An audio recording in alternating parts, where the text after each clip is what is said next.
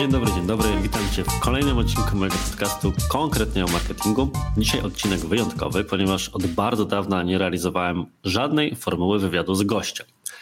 Generalnie chyba dlatego, że zazwyczaj nagrywam odcinek dość późno, przed jego datą publikacji. Myślę, że mój montażysta Jędrzej, który słucha tych odcinków również na bieżąco, nie tylko przy montowaniu, mógłby co nieco powiedzieć o mojej terminowości w tym zakresie.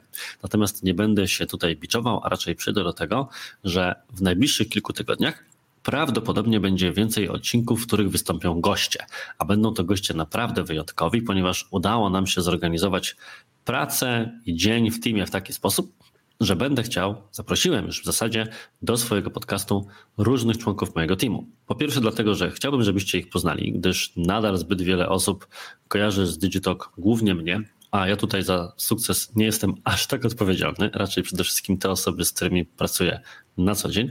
I wśród tych osób, jedną z bardziej wyróżniających się jest zdecydowanie moja dzisiejsza gościni, gościuwa. Kurde, brakuje mi słowa w tym momencie. Mój dzisiejszy gość, także tak w ten sposób powiem którym jest Katarzyna, ale wszyscy mówimy na nią w firmie Kazia, bo tak sama na siebie kazała mówić. Więc nie zdziwcie się, to nie jest jakiś mój dziwny wymysł, tylko życzenie własne współpracowniczki. Cześć Kaziu. Cześć wszystkim. Naszym dzisiejszym tematem rozmowy będzie onboardingowanie pracowników i proces rekrutacji. I to jest mój ulubiony typ odcinka, ponieważ będziemy dzielić się radami wynikającymi z naszego własnego doświadczenia, a to doświadczenie wynika z błędów, które popełniliśmy, a większość tych błędów popełniłem ja, kiedy jeszcze byłem za te procesy odpowiedzialny i jak z każdym procesem u nas w Digitalk jest on 100 razy lepszy od kiedy ja przestałem się nim zajmować, tak pół żartem, pół serio mówiąc. I to wszystko już po czołówce.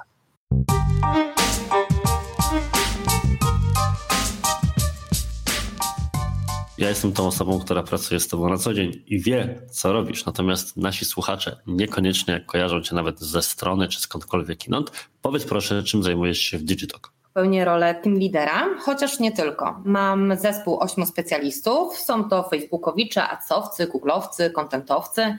Pomagam im w codziennej pracy, pomagam im usuwać różne przeszkody, blokery, tak aby pracowało im się najlepiej Oprócz tego odpowiadam także tutaj za procesy rekrutacji do naszej agencji. E, biorę też udział w tak zwanym gabinecie cieni, do którego należy parę decyzyjnych osób w naszej agencji.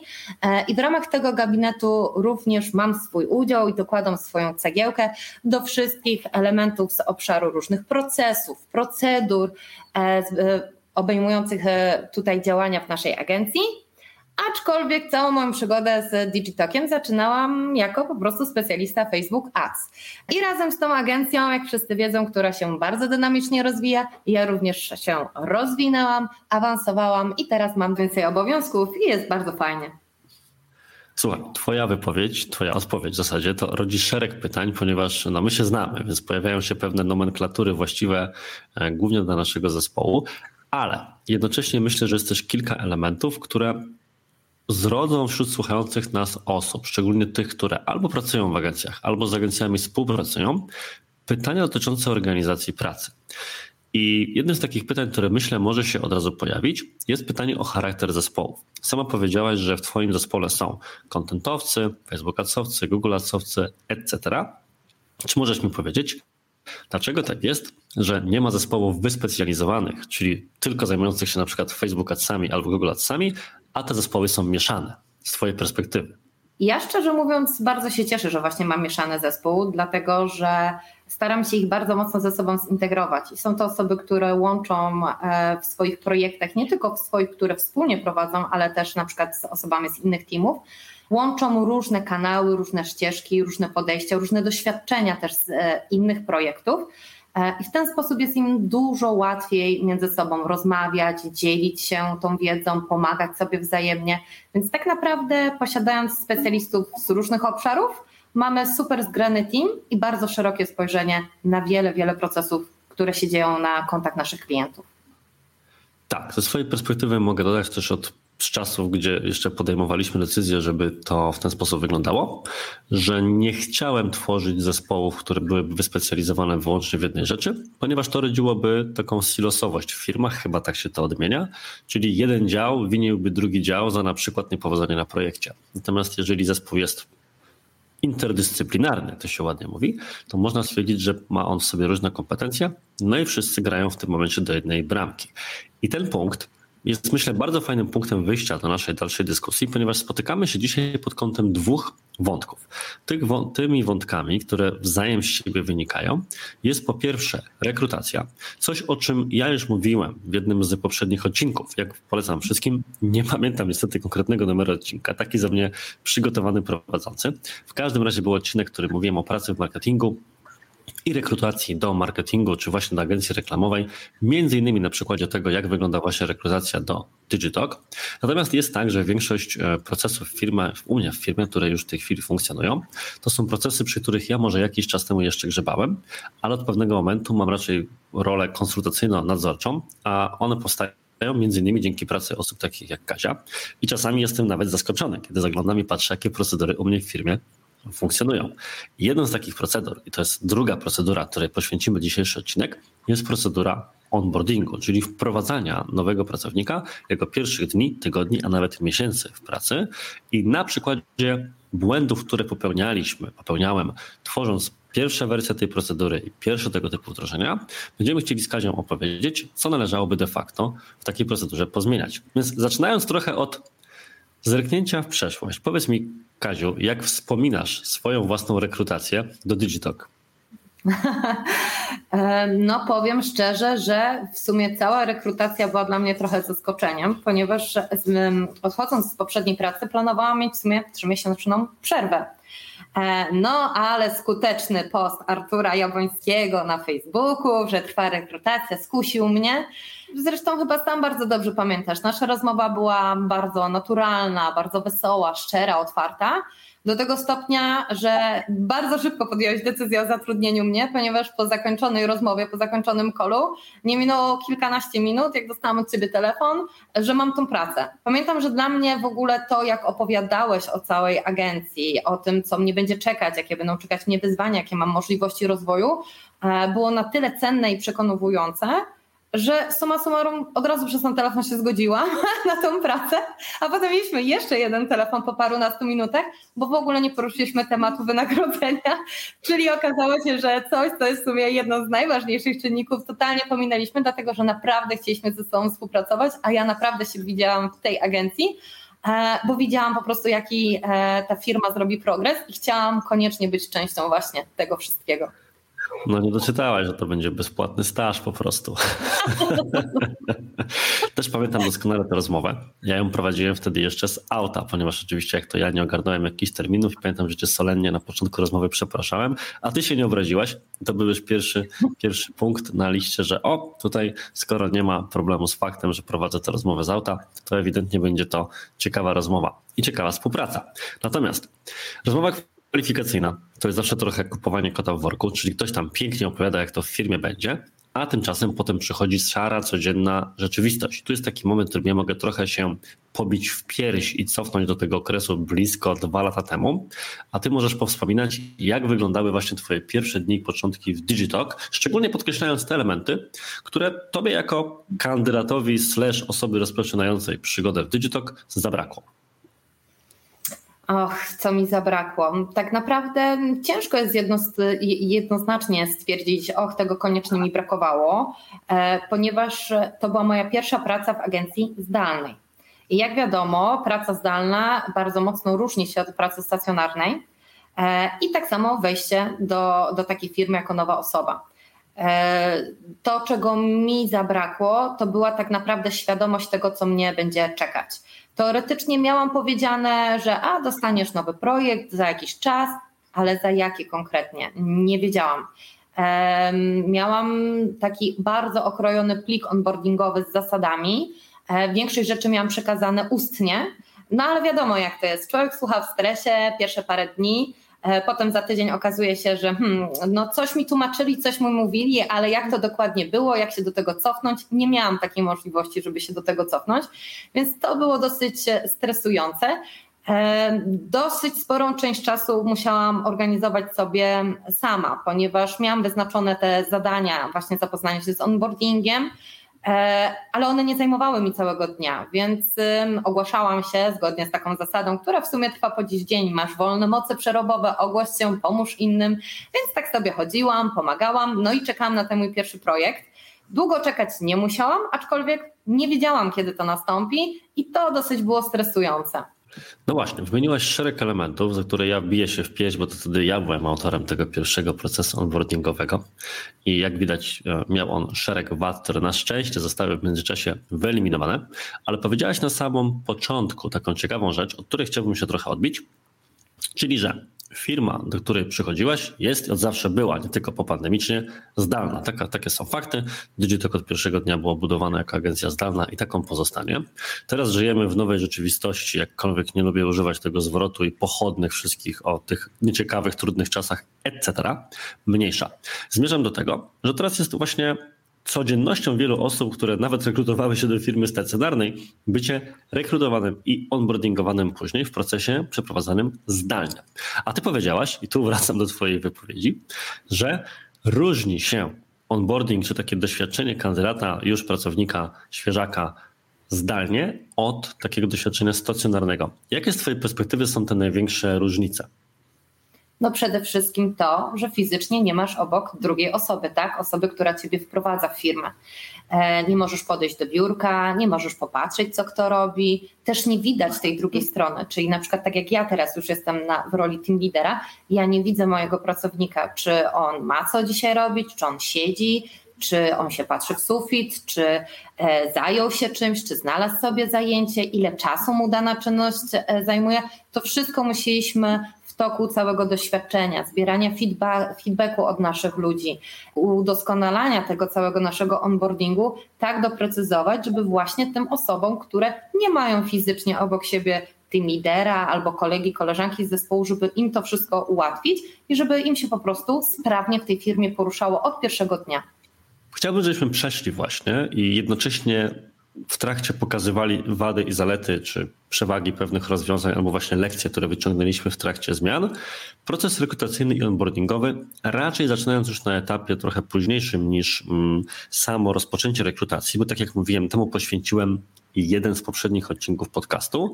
I generalnie w wielkim skrócie wygląda to w ten sposób, że po tym, kiedy pojawia się ogłoszenie, kandydaci aplikują i ja osobiście jeszcze zajmuję się przeglądaniem każdej aplikacji i wstępnie selekcjonuję osoby, z którymi kiedyś osobiście, tak jak właśnie z Tobą, Kaziu, prowadziłem rozmowy kwalifikacyjne. Natomiast teraz ten proces wygląda odrobinę inaczej. Czyli co jest tym drugim krokiem po tym, kiedy ja już wyselekcjonuję pulę kandydatów i nominuję ich do dalszego etapu? Takie osoby trafiają do nas, do liderów. E, my umawiamy rozmowę z taką osobą, podsyłamy do niej także szereg pytań drogą mailową, po to, żeby zorientować się, na jakim poziomie merytorycznym, na przykład w reklamach, w Facebook Adsach są te osoby. To jest jakby punkt wyjściowy do tego, jak będzie cała rozmowa późniejsza wyglądała. Natomiast e, to, na czym my skupiamy się najbardziej na takich rozmowach kwalifikacyjnych później, to już nie jest sama merytoryka, bo to właśnie wiemy z tych zadań. E, bardziej skupiamy się na tym, kim jest ta druga osoba, jakim będzie pracownikiem, e, czy my się z nią dogadamy, czy ona dogada się z nami, odnajdzie się w naszej agencji, bo jak wiadomo, rozmowa rekrutacyjna nie służy tylko nam, ale też drugiej osobie, żeby nas poznała, żeby świadomie wybrała agencję, żeby świadomie wybrała firmę, kolegów, koleżanki, z którymi będzie pracować i styl tej pracy, bo tylko wtedy mm, możemy być pewni, że ta praca będzie efektywna, a ta osoba po prostu będzie z chęcią do tej pracy przychodziła. Także na takim kolu też bardzo dużo opowiadamy o tym, co się będzie działo w pierwszych tygodniach pracy, co się będzie działo później, jacy my jesteśmy, jakie mamy procesy, E, to jakie są zasady chociażby komunikacji, bo w agencji zdalnej też mamy zasady tego, jak się między sobą komunikować, co być może w pracy stacjonarnej nie jest takie oczywiste, no bo przecież podejdziesz, zapytasz, porozmawiasz. E, u nas jest to bardzo ważne, w jaki sposób się komunikujemy, żeby nie odrywać właśnie innych osób od pracy, żeby była przejrzystość, żeby zawsze można było się cofnąć do tych informacji. Oprócz tego mamy dosyć sporo dodatkowych działań, nie samo klikanie e, w reklamy. To wszystko jest tym osobom przekazywane na takich rozmowach. Często też zadaję różne pytania, żeby poznać charakter tej osoby na zasadzie scenek aranżowanych, jak ona się zachowa, jaki ma tok rozumowania, jak będzie postępować w trudnych sytuacjach i całą taką składową. Na koniec e, takiej rozmowy oczywiście przekazuję do naszego Artura, czyli do CEO i tak naprawdę Artur na podstawie feedbacku od nas wszystkich, od, od, liderów, którzy mieli przyjemność takich rozmów, wyłania osoby do finalnego etapu rekrutacji, czyli właśnie już także do kola ze sobą. Jakie jest Twoje ulubione pytanie rekrutacyjne, które zadajesz i dlaczego akurat takie? Jednym z najciekawszych dla mnie e, pytań i tak naprawdę odpowiedzi na nie jest to, co pada, kiedy zapytam się, co do tej pory taką osobę najbardziej irytowało w obecnej pracy i dlaczego w ogóle postanawia ją zmienić. Odpowiedzi są naprawdę przeróżne, ale większość z nich wskazuje na dwa takie typowe elementy. Pierwszy to jest brak możliwości rozwoju. Ktoś dochodzi do pewnego etapu w firmie, albo nie jest wysłuchany, albo nie ma takiej możliwości, nie ma ku temu narzędzi, projektów, czuje, że osiągnął wszystko, co mógł, chce iść dalej. Drugi to jest brak możliwości porozumienia się ze swoim przełożonym. E, I ten drugi aspekt, mm, czyli na przykład negowanie poleceń, niewykonywanie czynności z poczuciem, że to jest ok, bardziej zastanawianie się po co, przecież to jest bez sensu, nie tak to powinno wyglądać, to na pierwszy rzut oka może wydawać się bardzo alarmujące. Na zasadzie, hej, on się nie umie dostosować w ogóle w pracy do tego, co każe przełożony robić. Natomiast ja to pytanie bardzo lubię, ponieważ wchodząc głębiej w rozmowę z taką osobą, najczęściej okazuje się, że problem nie, po, nie, nie, nie siedzi w tej osobie, a był po stronie osoby zarządzającej zespołem, tym specjalistą. E, I tak naprawdę dobrze zarządzając taką osobą, okazuje się, że nie ma problemu w tym pracowniku. On jest naprawdę super i nie ma problemu z żadną realizacją zadań z przełożonym. Także A jak dla to? Bo to, to jest bardzo ciekawy wątek, do tego pozwoliłem sobie wejść ci w słowo, gdyż mhm. E, też dla mnie osobiście byłoby bardzo alarmujące, gdyby podczas rozmowy też powiedział mi, no nie mogłem się dogadać z szefem, w ogóle był taki moment, że już nawet nie chciałem za bardzo wykonywać zadań, które mi przydzielał. Więc w jaki sposób zadajesz kolejne pytania, czy pogłębione, żeby wyłuskać informację, scenkę czy anegdotę, która pozwala ci zrozumieć, że problem tkwił gdzie indziej, w sensie na jakie rzeczy uwagę zwracasz. Mhm. Dopytuję właśnie o konkretną sytuację, żeby mi podał dwa, trzy różne przykłady, e, częstotliwość tych sytuacji. Dopytuję od razu to, jak on się zachował, czy był w stanie powiedzieć feedback, czy tylko przyjął to, kiwnął głową, olał, czy na przykład próbował wejść w dyskusję z przełożonym, wytłumaczyć, że e, słuchaj, jeśli chcemy osiągnąć to, to ja bym rekomendował, żeby to zrobić na przykład w ten sposób.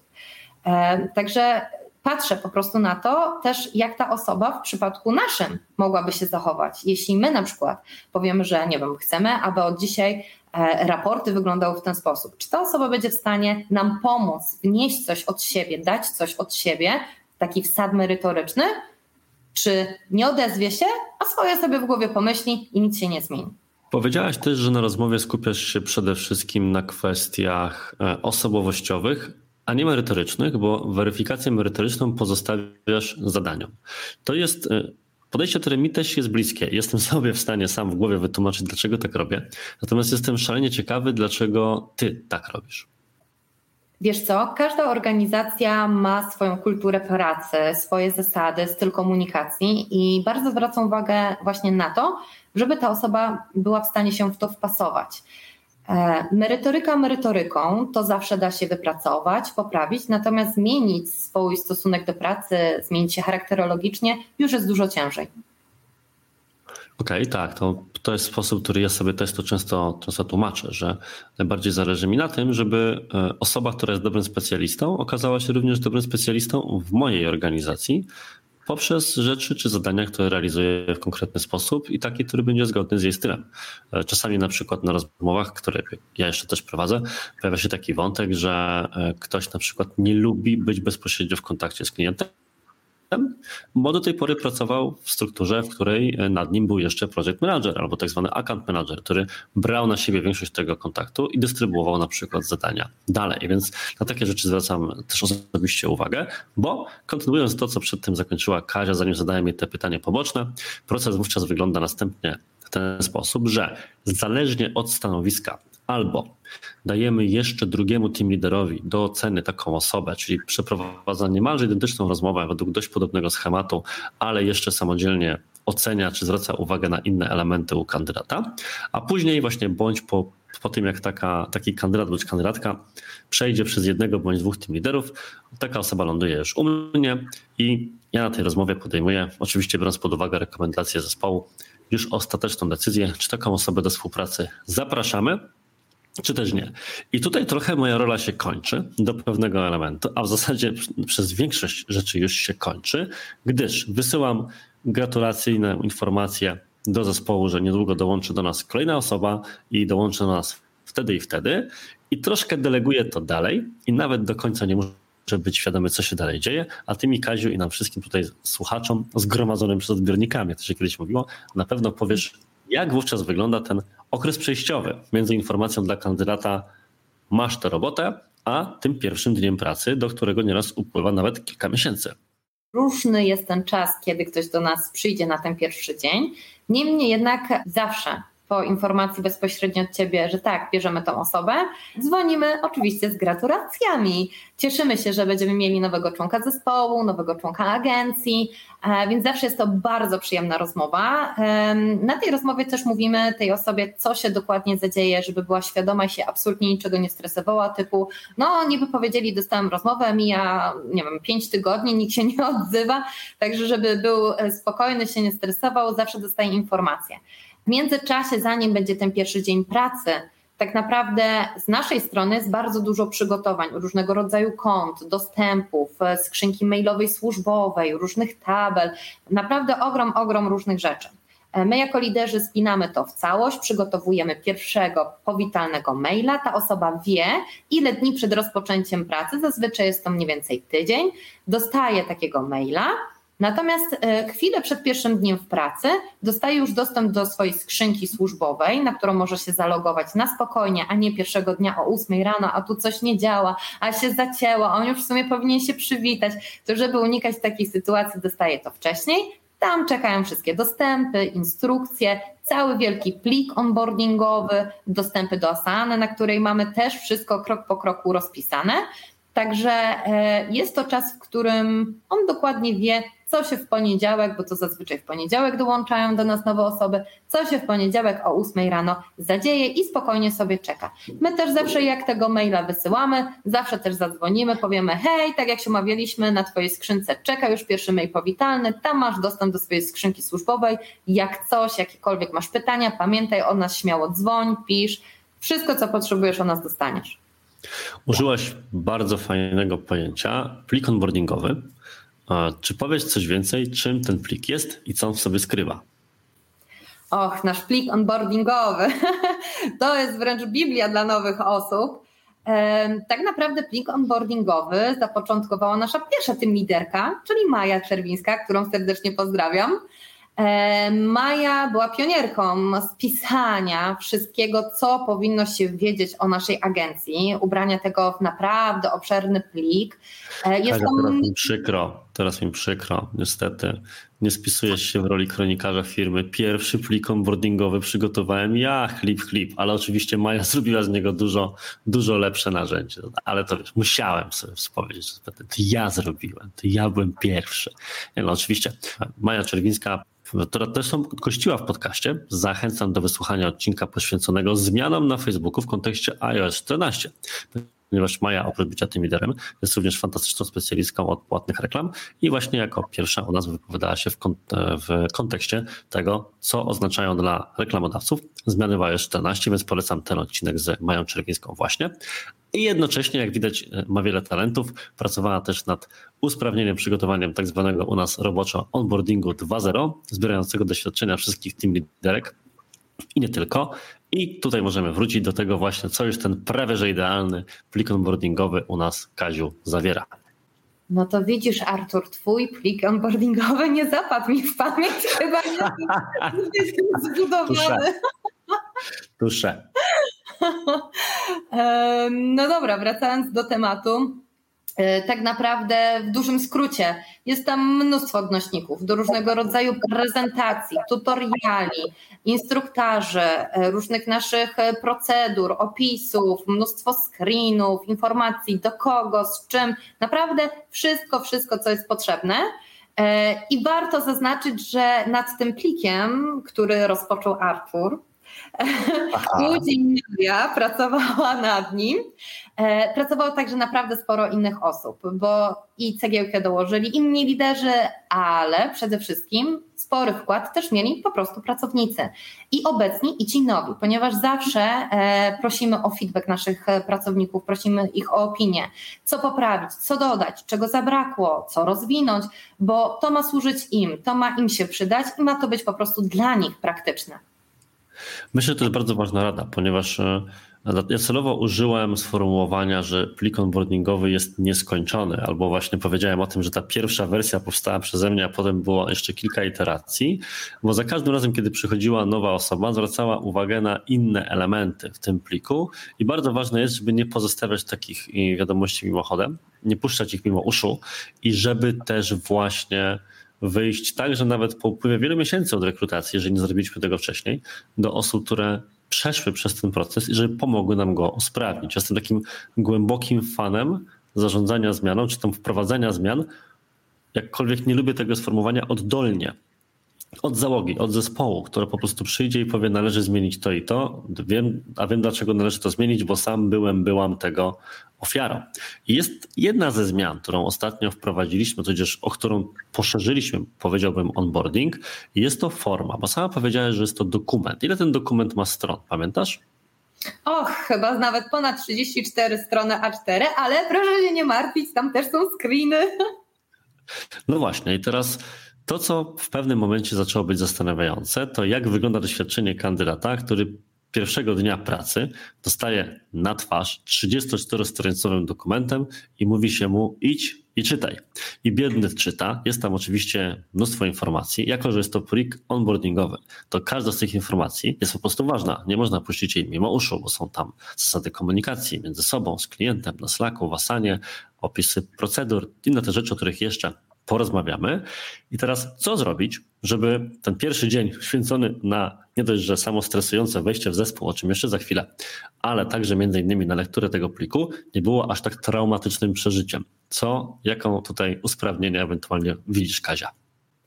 No, może być ta ilość przerażająca, aczkolwiek um, zawsze uprzedzamy te osoby o tym, że to jest naprawdę spory plik, ale to nie jest tak, że na koniec dnia ktoś usiądzie i cię z tego przepyta i masz to już znać od deski do deski. Na cały plik, na całe w ogóle wprowadzenie w firmę, w życie, w to, jak tutaj funkcjonujemy, jest kilka pierwszych dni. Tak naprawdę nawet i całe dwa tygodnie pierwsze e, to jest nauka poprzez doświadczenie, poprzez zobaczenie, że ach, tu miałem tak zlecić, a dostałem feedback, że tu powinienem zachować się w ten sposób, ach, tu komunikację prowadzimy tak. Dokument onboardingowy też jest cały czas dostępny online do wszystkich pracowników, więc jeśli ktokolwiek ma wątpliwości, na spokojnie może sobie cofnąć się, przeczytać to jeszcze raz, a też jak wyłapie na przykład właśnie, tak jak mówiłeś, jakąś niejasność albo brak jakiejś informacji, od razu też daje nam feedback i jest to cały czas dodawane, ulepszane, usprawniane. Tak, jednym z takich ostatnich usprawnień była właśnie praca również nad samą formą tego dokumentu, bo do tej pory powiedzieliśmy o tym, że była to przede wszystkim rzecz tekstowa. Ostatnio się to zmieniło i powstał również projekt wewnętrzny, zakończony, myślę, można to określić sukcesem, tak zwane DigiWiki. Czy powiesz coś więcej o tym? tak, nasza DigiWiki, nasza wewnętrzna platforma, nad którą pracą czuwała nasza team leader Agata, którą też pozdrawiam, w zespole razem z Markiem i z Marcinem e, przygotowali dla nas miejsce, które skupia wszystkie nasze pliki, wszystkie nasze procesy, procedury, briefy, prezentacje, ale także instrukcje. Instrukcje nasze wewnętrzne, a także instrukcje dla naszych klientów, jak prowadzimy projekty. Tak naprawdę forma jest bardzo wygodna, bo wygląda to po prostu jak strona internetowa, gdzie są odnośniki, są ładne, przejrzyste listy, kategorie, e, menu nawigacyjne, więc jest to bardzo przyjemne w obsłudze, bardzo intuicyjne. E, nie trzeba przekopywać dysku, nie trzeba szukać jakichś plików u siebie na komputerze zapisane, wszystko jest cały czas dostępne. E, myślę, że ta forma bardzo usprawnia pracę i jest po prostu przyjazna dla naszych pracowników. Tym bardziej, że weszliśmy jeszcze dalej poza schemat, ponieważ nie każdy lubi, tak jak wspomniałeś, czytać. I przygotowaliśmy dla naszych osób bardzo dużo filmików instruktażowych, e, gdzie pokazujemy pulpit na żywo, gdzie opowiadamy, klikamy. Taka wiedza zdobyta, zobaczona, jak ktoś to robi, e, jak to wygląda, jest dużo łatwiej, łatwiejsza do przyswojenia niż po prostu czytanie czy oglądanie screenów. Także mamy tak naprawdę wiele informacji w podwójnej formie i pisanej, i wideo. Tak, z tego co pamiętam, sam projekt narodził się trochę jako odpowiedź po części na pracę nad projektami klienckimi, gdzie po tym jak x razy na przykład przy kolejnych projektach tłumaczyliśmy zasadę dodawania chociażby partnerstwa do biznes managera, stwierdziliśmy, że dobrze byłoby posiadać materiał, który rozwiąże ten problem raz a dobrze. Czyli de facto tak powstają procedury, tak powinny powsta powstawać, czyli obserwuje się powtarzalną sytuację i zamienia się ją w jakąś, e, w jakąś niepowtarzalną rozpiskę. Tylko, że żeby nie bawić się w dyskusję niczym z grafikiem, czyli w lewym górnym rogu kliknij w miejsce X, co generowałoby kolejne 10 stron, zdecydowaliśmy się na pójście tropem filmów. I gorąco myślę, po tym jak pierwsze testy DigiWiki już są po zespole i zabrały feedback, gorąco polecam wszystkim, którzy mogą sobie pozwolić na wdrożenie takiego wewnętrznego systemu, żeby to również zrobili. Ale nie samymi procesami, dokumentami, szablonami, działań i tak dalej człowiek żyje. Jakby nie było, jeszcze zaczyna swój dzień pracy i poznaje ludzi. Czy możesz trochę powiedzieć, jak wygląda właśnie ten sam początek? Szczególnie, że umówmy się, jest to firma zdalna, więc tak jak powiedziałaś też o swoim doświadczeniu, to siedzisz sobie przed swoim biurkiem. Co się dzieje? Oj tak, pierwszy dzień ja też tutaj dosyć wspominam, także mogę Wam szybciutko jeszcze moją anegdotę powiedzieć, e, ponieważ w pracy zdalnej byłam święcie przekonana, że no przecież home office, co sobie siedziałam w dresiku, nieumalowana, a tu pierwszego dnia na kolu trzeba włączyć kamerkę. No i tak mnie właśnie ta firma poznała, od razu przełamane były lody, później jeszcze e, pamiętam, miałam za zadaniem e, takie nasze wewnętrzne, o którym może za chwilę jeszcze opowiem, wykonać. Także pamiętam mój pierwszy dzień bardzo dobrze i bardzo dobrze to wspominam. Tak naprawdę ta tradycja tego, co się dzieje w pierwszym dniu pracy, po dziś dzień jest zachowana, czyli ósma rano pojawia się nowa osoba na Slacku i życiem tętni nagle cała firma to w jakiej ilości pojawiają się nowe wiadomości na Slacku, na naszym głównym takim e, kanale, który się nazywa Random, jest po prostu oszałamiająca. Kanał się od razu świeci cały na czerwono, każdy chce zadać pytanie, poznać nową osobę, skąd jest, co robi. Jest oczywiście dużo um, śmiesznych i nietypowych naszych wewnętrznych pytań e, i inside joke'ów. E, I tak naprawdę pierwsza godzina pracy właśnie nowej osobie schodzi na odpowiadanie na miliony, miliony, miliony pytań. A tylko Następnie... spróbuj nie odpowiedzieć na jakieś. Oj, tak, nikt nie przepuści. E, następnie co mamy? O dziewiątej mamy kola z całą firmą, gdzie właśnie taka nowa osoba nas e, widzi po raz pierwszy, a nie tylko czyta na Slacku. I to, co nie zdąży odpowiedzieć na Slacku albo nas jeszcze interesuje, dopytamy na takim kolu, czasem coś o sobie jeszcze dopowiemy, jakieś anegdotki, jakieś fajne historie. No i właśnie e, wtedy jest to zadanie bojowe, taki nasz wewnętrzny chrzest, po przejściu którym dopiero staje się pełnoprawnym digitalianinem.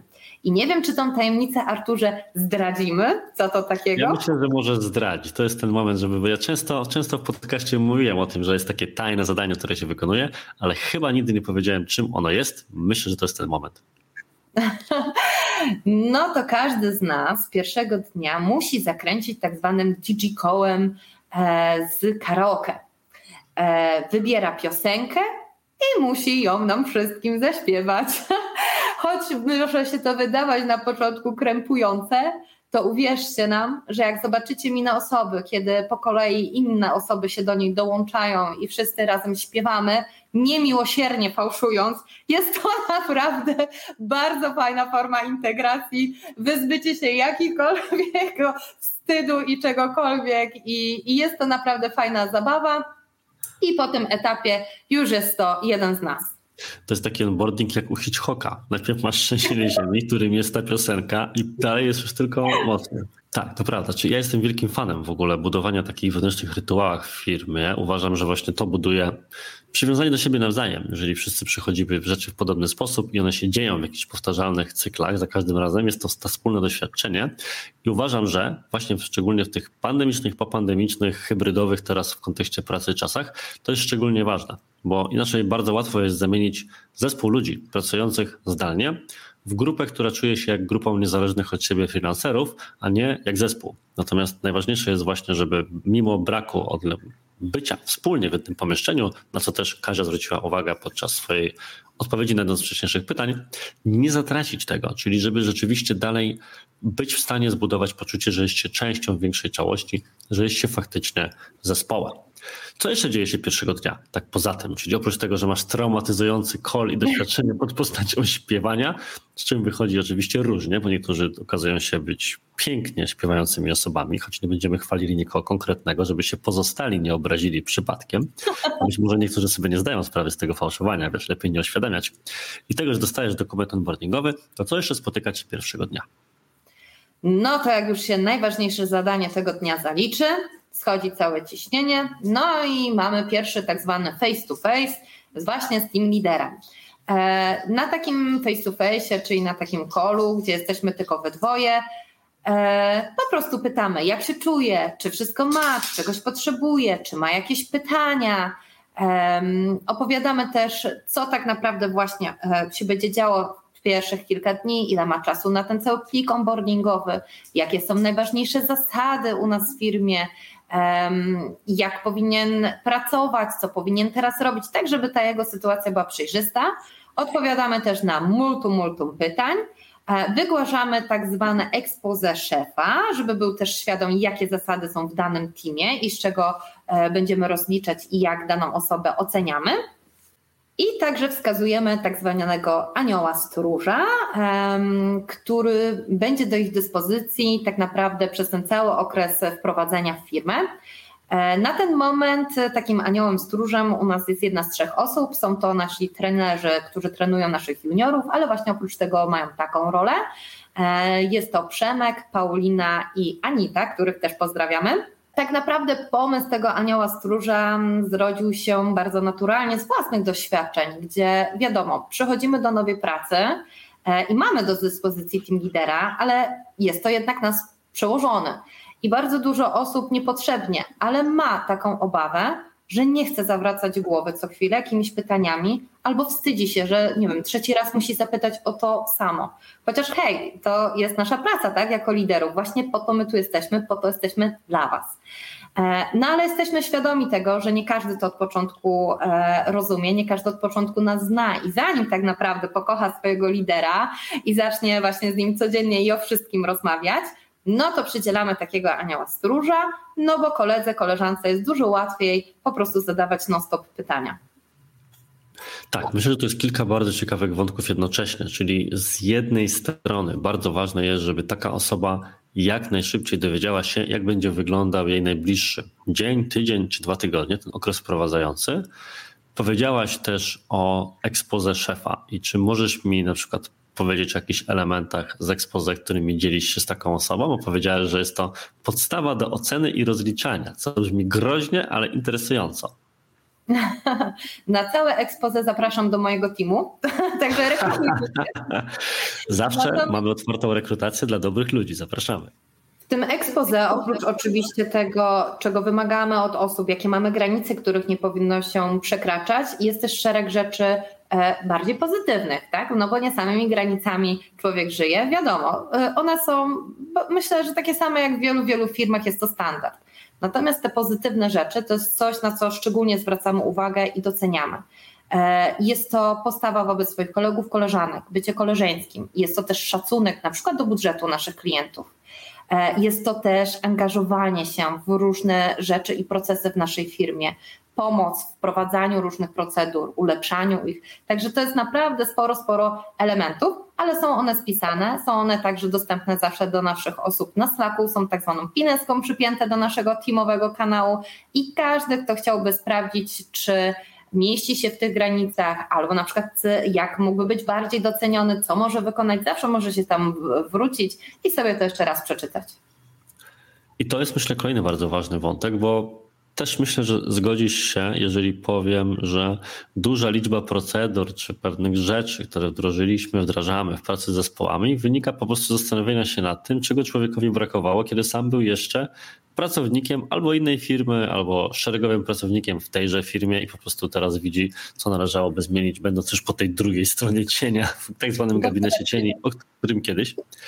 E, I myślę, że taka właśnie przejrzystość reguł gry. Co mogę zrobić i na jakiej podstawie mogę stwierdzić, że swoją pracę wykonuję dobrze, średnio albo źle. Co też pewnie wiąże się z kolejnymi wątkami rozmów face to face, do których za chwilę będę chciał nawiązać, ale to jeszcze za moment, ponieważ Oprócz tego, że powiedziałaś o ekspoze szefa, powiedziałaś jeszcze o czymś takim jak rozpisanie komuś pierwszych dwóch tygodni w pracy. I to, co myślę byłoby bardzo interesujące, to w jaki sposób wprowadza się nową osobę do zespołu, żeby opanowanie nowych umiejętności było dla niej komfortowe i rozpoczęcie pracy nad projektami było dla niej komfortowe. Jak to jest? Czy taka osoba dostaje od razu bach pierwszego dnia projekt i klienta, czy może działa to jakoś inaczej? Myślę, że nasz dział sprzedaży bardzo by chciał, żeby już pierwszego dnia nowe osoby dostawały nowy projekt, ale nie, nie, my na to nie pozwolimy. Osoba jest sprowadzana tak naprawdę, tak jak e, już właśnie mówiłam, około dwóch tygodni, zanim dostanie swój pierwszy projekt. I w tym czasie tych dwóch tygodni e, najpierw taką osobę przydzielamy do innych projektów jako pomoc. E, jako taka pomoc te osoby dostają zadania do wykonania od opiekunów projektów. W ten sposób, ucząc się na żywym organizmie, wiedzą, jak mają funkcjonować. Na przykład, nie wiem, jak zlecacie grafiki do naszych e, grafików, e, wiedzą, jak powinni uzupełniać informacje o projekcie na Asanie, w jaki sposób przygotowywać raporty, podsumowania tygodniowe. Mają też wtedy okazję do dopytania się o wszystkie procesy. Także E, nauka poprzez praktykę, ale jako. Opanowują, można by było powiedzieć, onboarding w działaniu. Dokładnie. Oprócz tego, e, takim nowym osobom przez te dwa tygodnie zlecamy tak zwane audyty wewnętrzne. To jest w ogóle ciekawy wątek, bo my takie audyty wewnętrzne prowadzimy w całej firmie regularnie, raz w miesiącu, gdzie wszyscy nasi specjaliści sprawdzają różne konta e, i przekazują swoje pomysły i swoje swoim doświadczeniem się dzielą. Natomiast jak przychodzi nowa osoba, również to wykorzystujemy, e, a ona przy okazji uczy się naszych struktur, naszego działania, naszych e, chociażby nazw i tego, jak te kampanie powinny być poukładane, zrobione, naszych lejków, struktur, jak to rozpisujemy także dla naszych klientów.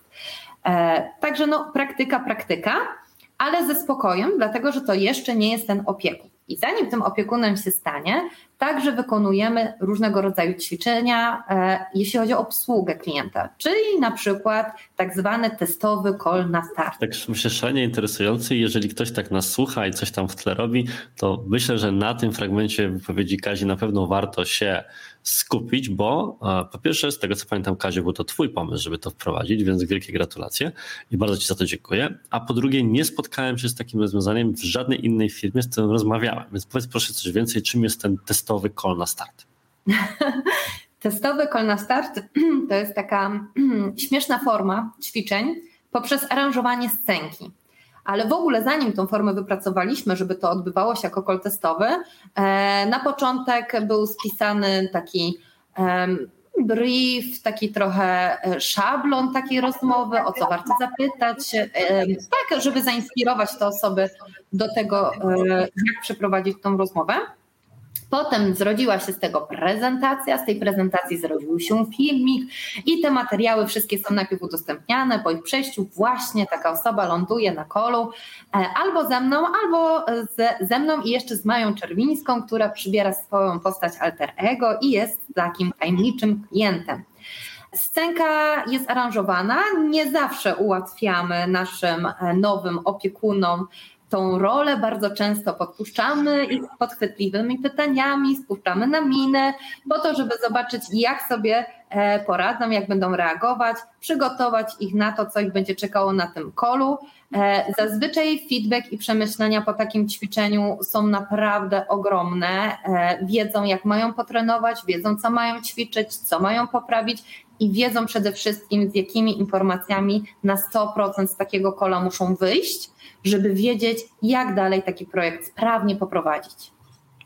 Tak, bo to, co w sumie chyba nie powiedzieliśmy, a za, po części wynika z nazwy, to że ten call dotyczy, skoro ta osoba niedługo zostanie pełnoprawnym opiekunem klienta, czyli będzie samodzielnie prowadzić projekty w ramach firmy, jeżeli jest już na stanowisko specjalisty, to jest to nasz standardowy call otwierający, podczas którego jest szereg informacji, które trzeba uzyskać, szereg informacji, które trzeba przekazać, etc. I oczywiście mamy na to, tak jak powiedziała Kazia, stosowne dokumenty, przykładowe filmy nagranych takich spotkań, czy listę pytań, przez którą po prostu trzeba przejść. Co nie zmienia faktu, że pytanie napisane, a pytania zadane to trochę dwa inne pytania, bo rzecz rozbija się jeszcze o charakter, kolejność, reagowanie na konkretną sytuację. Więc Kazia wraz z Mają, inicjując taki właśnie próbny call, wcielając się naprzemiennie w rolę klienta, klientek, klientów i tak dalej, pozwalają na żywo tej osobie jeszcze w kontrolowanych warunkach laboratoryjnych, wręcz można byłoby powiedzieć, a to trochę może być źle zabrzmieć, ale wiem o co chodzi. Takich ćwiczebnych, treningowych, bez stresu taką rozmowę przejść, uzyskać od razu feedback od przełożonego na temat swojego stylu prowadzenia czegoś takiego, rzeczy, które są e, według naszego standardu, rzeczy, które należałoby rozwinąć. I gdybym miał wskazać jedną z nowszych praktyk, które wdrożyliśmy w Digitoku, które niezmiernie mi się podobają i uważam, że jeżeli ktoś tego w firmie nie ma, to również powinien nad czymś takim popracować, to właśnie byłaby to taka próbna, e, próbna metodyka próbnego kola na start Właśnie. I jest jeszcze jeden wątek, który chciałem poruszyć, który też pojawił się wcześniej, więc jak widzisz, doskonale pamiętam, co powiedziałaś. Jestem uważnym słuchaczem Twoich wypowiedzi. Wspomniałaś troszkę o Aniele Stróżu i o jego roli. I co prawda, troszkę powiedziałaś, z czego, z czego ta rola wynika, ale gdybyś rozwinęła coś więcej na temat właśnie historii powstania takiej jednostki, tak to nazwijmy, w firmie i do czego właściwie komuś nowemu w firmie jest taki anioł stróż jesteśmy świadomi tego, że nowe osoby mogą mieć jakiś opór przed tym, żeby o wszystko pytać liderów, zanim nas poznają, e, bo oczywiście jak już nas poznają, nie ma z tym najmniejszego problemu, wiedzą, że właśnie po to my tu jesteśmy. Natomiast zanim coś się zadzieje, chyba każdy nas był w takiej sytuacji, że jest nowy, boi się popełnić jakiegoś błędu, woli się dopytać, no ale w sumie już nie wiem, trzy razy zadał to pytanie, no to trochę głupio iść do swojego przełożonego jeszcze raz tym pytaniem. Natomiast nie ma już takiego oporu, żeby zadać to pytanie swojemu koledze, koleżance. Ale to nie tylko o pytania chodzi. E, tak naprawdę taki anioł stróż też pokazuje mu różne rzeczy, jak działają w naszej agencji, jakby sam z siebie, bo wie na co zwracamy uwagę, wie co jak powinno działać. E, dodatkowo jest to też fajna forma integracji tak, z innymi osobami.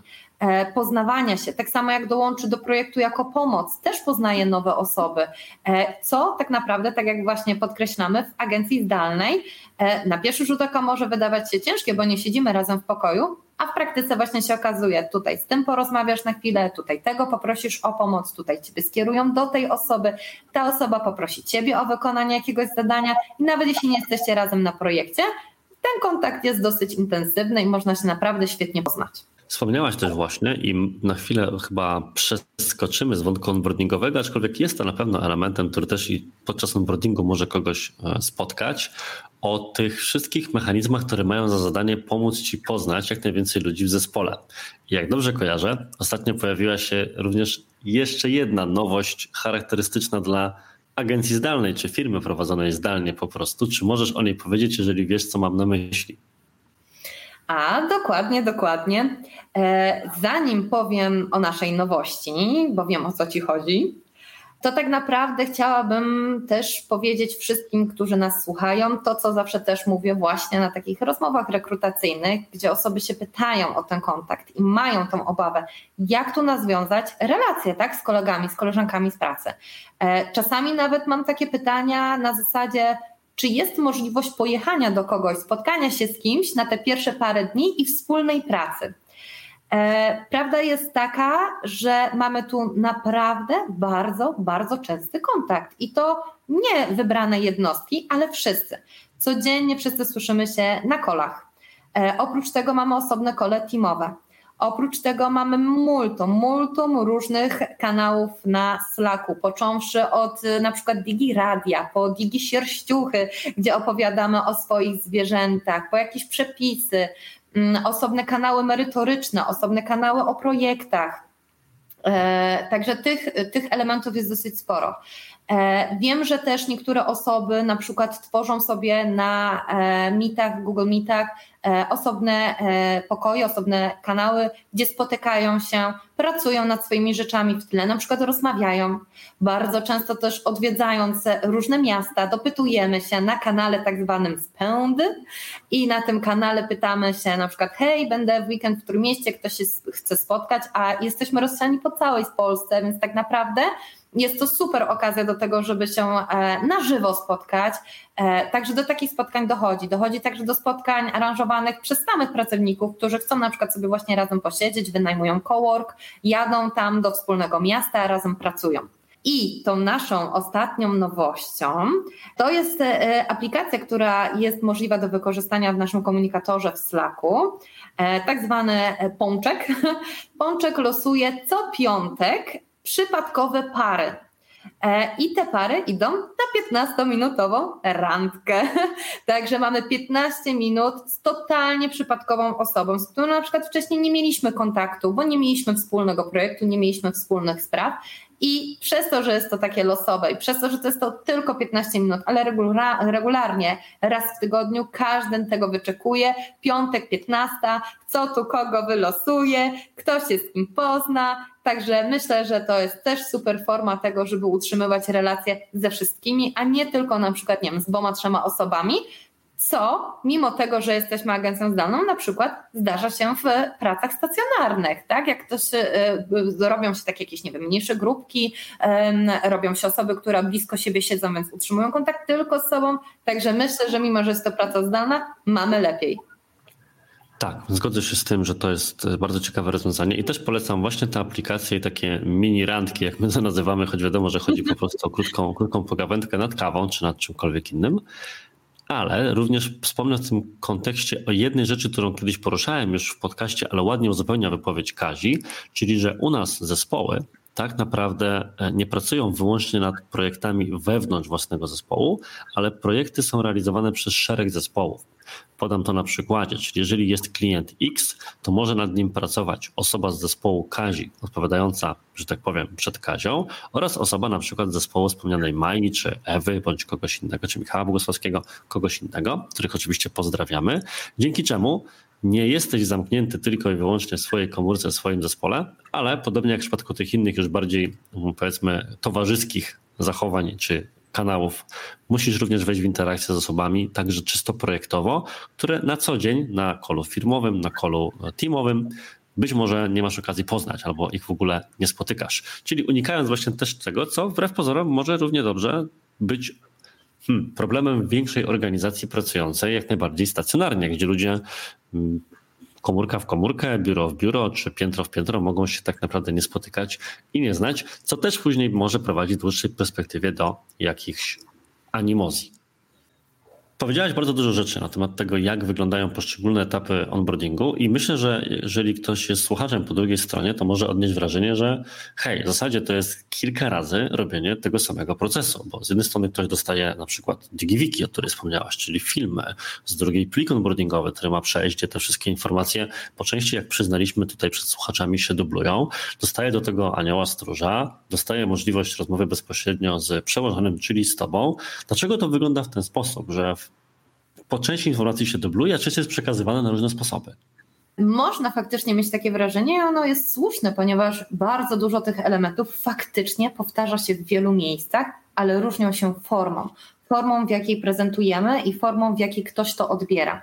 Dla jednych osób e, łatwiej jest coś przeczytać, innym łatwiej jest coś obejrzeć, ale przede wszystkim też chodzi o to, że te zagadnienia są powtarzane w różnej formie. W ten sposób upewniamy się, że taka osoba po miesiącu, e, pierwszym swoim miesiącu w naszej agencji, e, będzie wiedzieć, jak działać, będzie wiedziała, jakie tu panują zasady, będzie wiedziała, jak się komunikować, e, jak wypełniać pewne procedury, jak się stosować do pewnych procesów, jak się w nich odnaleźć. Także w ten sposób, podając tą samą informację w różnych formach, mamy pewność, że ona zostanie przyswojona. Dodatkowo ta forma umożliwia nam tak naprawdę porcjowanie tych informacji w czasie. E, nie ma sensu wrzucać jednej osobie wszystkiego na przykład w pierwszy dzień albo w pierwszy tydzień.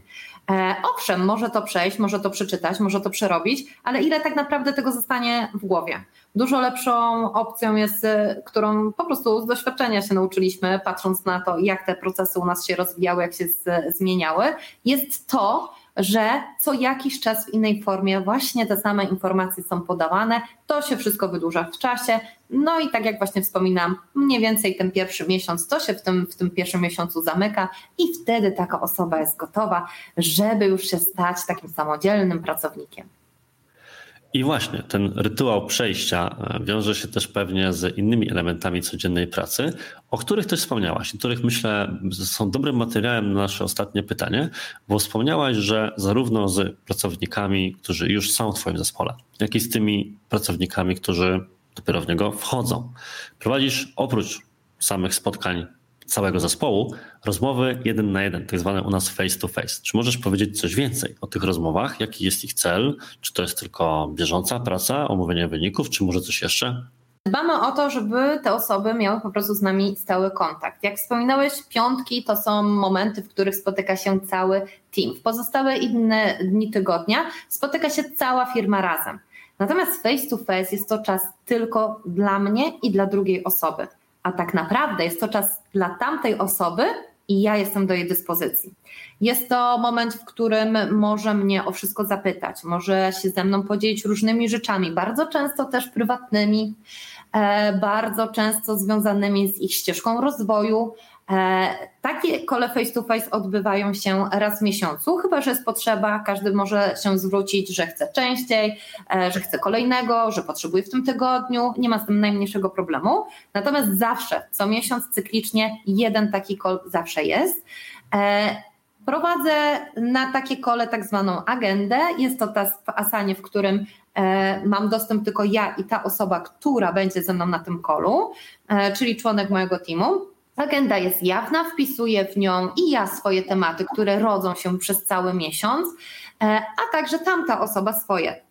E, najczęstsze tematy, jakie pojawiają się, to jest na przykład feedback do działań, to są różnego rodzaju na przykład pochwały albo e, zwrócenie uwagi, że coś powinno wyglądać w inny sposób, coś powinno być, nie wiem, doprecyzowane. Też są na przykład poszerzane różne tematy związane z ich ścieżkami rozwoju, które każdy sobie u nas indywidualnie rozpisuje i mamy wtedy możliwość takiego comiesięcznego update'u, jak ta sytuacja wygląda. To myślę, że to jest taki dobry punkt, bo przeszliśmy praktycznie całą ścieżkę e, początkową w Digitalk, to warto byłoby jeszcze wspomnieć, dokąd ta ścieżka prowadzi. I rzeczywiście jest tak, że miałem z początkiem nowego roku wystąpienie, podczas którego dzieliliśmy się nowo opracowanymi e, w firmie ścieżkami kariery. Nie będę zdradzał więcej na ich temat, ponieważ myślę, że właśnie do rozmowy o nich zaproszę inną team bądź team żeby się podzielić, jak to w zasadzie u nas wygląda, bo może sam nagram taki odcinek, dlaczegoż by nie. E, natomiast tak czy owak jest ona dostosowana pod predyspozycje czy preferencje poszczególnych osób, a my zawsze jesteśmy otwarci na to, że jeżeli ktoś chce się rozwijać w jakimś konkretnym kierunku, to należałoby rozwój w tym kierunku umożliwić. Uf, Kaziu, rozmawiamy już naprawdę długo. Moje odcinki są przeważnie dużo krótsze, więc myślę, że to jest ten moment, który należałoby postawić kropkę. Natomiast powiem Ci, że ja mam taką cichą nadzieję, że spotkamy się w tym podcaście za rok ponownie i powiemy sobie, ile w tym procesie, który nam się teraz wydaje taki mądry, jeszcze w międzyczasie zdążyliśmy pozmieniać, bo okazało się, że tego, tego, tego, tego czy tego jeszcze brakowało. A może powiedzą nam to na przykład też słuchacze. Więc jeżeli ktoś z Was po drugiej stronie, może właśnie Ty, ma jakiś pomysł albo przemyślenie, albo własne doświadczenie w zakresie procesów rekrutacyjnych, czy zwłaszcza onboardingowych do zespołów szczególnie zdalnych, to gorąco zachęcam Zapraszam do pisania do mnie bezpośrednio na skrzynkę poczta małpa. Jak również chętnie przyjmę tam pozdrowienia dla Kazi za wystąpienie w dzisiejszym odcinku, czy pochwały na temat, na temat naszego podcastu, mojego podcastu, tak w ogóle. A jeszcze chętniej przyjmę wszelkiego rodzaju recenzje na Apple Podcast czy innych serwisach, gdzie można gwiazdkować, polecać, udostępniać, bo dzięki temu takie treści, takie historie, jak nasze własne lekcje wyciągnięte z błędów, będą szły w świat i być może komuś pomogą doszlifować swoje własne procesy, które w tym momencie na przykład się rodzą. A na dziś to już wszystko. E, rozmawiali z Państwem Kasia i Artur. Do usłyszenia w przyszłym tygodniu, już pewnie w innym składzie. I cześć. Cześć.